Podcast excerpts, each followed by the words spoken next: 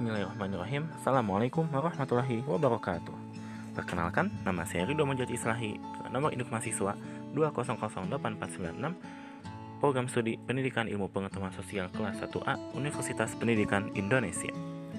Di podcast kali ini, saya akan sedikit menjelaskan kembali apa saja yang sudah saya pelajari pada mata kuliah Pendidikan Kewarganegaraan dengan subbab Demokrasi di Indonesia.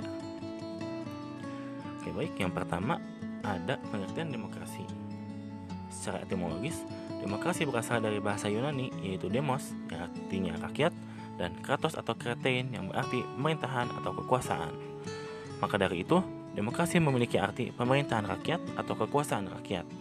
Salah satu tokoh terkenal yang menjelaskan tentang demokrasi adalah mantan Presiden Amerika Serikat yaitu Abraham Lincoln yang menyatakan bahwasanya suatu pemerintahan itu dari rakyat, oleh rakyat, dan untuk rakyat.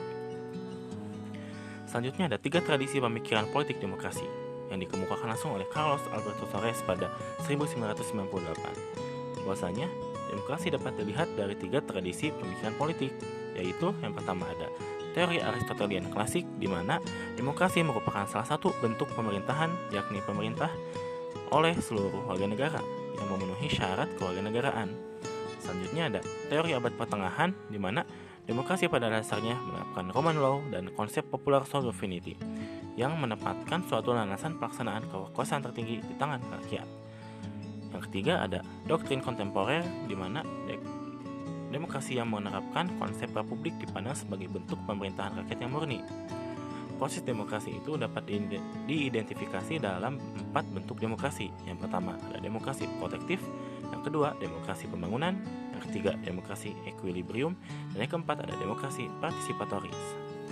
Lebih lanjutnya, Torres juga memandang demokrasi dapat ditinjau dari aspek yang lain. Yang pertama, ada formal demokrasi yang menunjuk pada demokrasi dalam arti sistem pemerintahan dan substantif demokrasi yang lebih menunjuk pada proses demokrasi tersebut dilakukan. Selanjutnya ada pemikiran tentang demokrasi di Indonesia. Yang pertama, Demokrasi yang di Indonesia adalah demokrasi yang berdasarkan Pancasila yang masih terus berkembang dan memiliki ciri pembagian pandangan. Yang kedua, menurut Muhammad Hatta, kita sudah mengenal tradisi demokrasi jauh sebelum Indonesia merdeka, yakni demokrasi desa yang memiliki ciri-ciri yang pertama ada cita-cita rapat, yang kedua ada cita-cita masa protes, dan yang ketiga ada cita-cita tolong menolong. Selanjutnya, ada sumber demokrasi di Indonesia.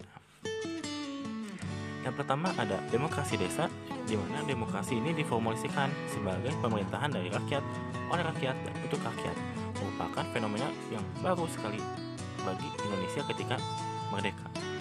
Selanjutnya ada nilai Islam. Inti dari keyakinan Islam adalah pengakuan pada ketuhanan yang Maha Esa dalam tanda kutip tauhid. Dalam keyakinan ini, Tuhanlah satu-satunya wujud yang pasti. Prinsip tauhid adalah paham kesamaan manusia di hadapan Tuhan yang melarang adanya perendahan martabat dan pemaksaan kehendak antar sesama manusia.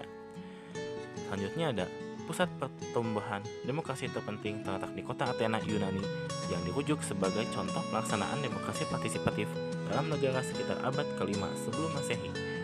Kehadiran kolonialisme Eropa, khususnya Belanda di Indonesia, membawa dua sisi, yaitu imperialisme kapitalisme dan humanisme demokratis. Selanjutnya, Perkembangan sejarah demokrasi di Indonesia sampai masa Orde Baru dapat dibagi menjadi empat masa. Yang pertama ada masa Republik Indonesia I yaitu pada 1945 hingga 1959 yang dinamakan masa demokrasi konstitusional. Yang kedua ada masa Republik masa Republik Indonesia II yang berlangsung pada 1959 hingga 1965 yaitu masa demokrasi terpimpin. Yang ketiga ada masa Republik Indonesia ketiga dan berlangsung pada 1965 hingga 1998 yaitu masa demokrasi Pancasila demokrasi. Yang terakhir ada masa Republik Indonesia keempat dan berlaku dari 1998 hingga sekarang yaitu masa reformasi. Oke, mungkin podcast kali ini saya cukupkan dulu sampai sini. Mudah-mudahan bermanfaat. Terima kasih atas perhatiannya dan mohon maaf jika ada sedikit-sedikit salah kata dan yang lainnya. Terima kasih atas perhatiannya. Assalamualaikum warahmatullahi wabarakatuh.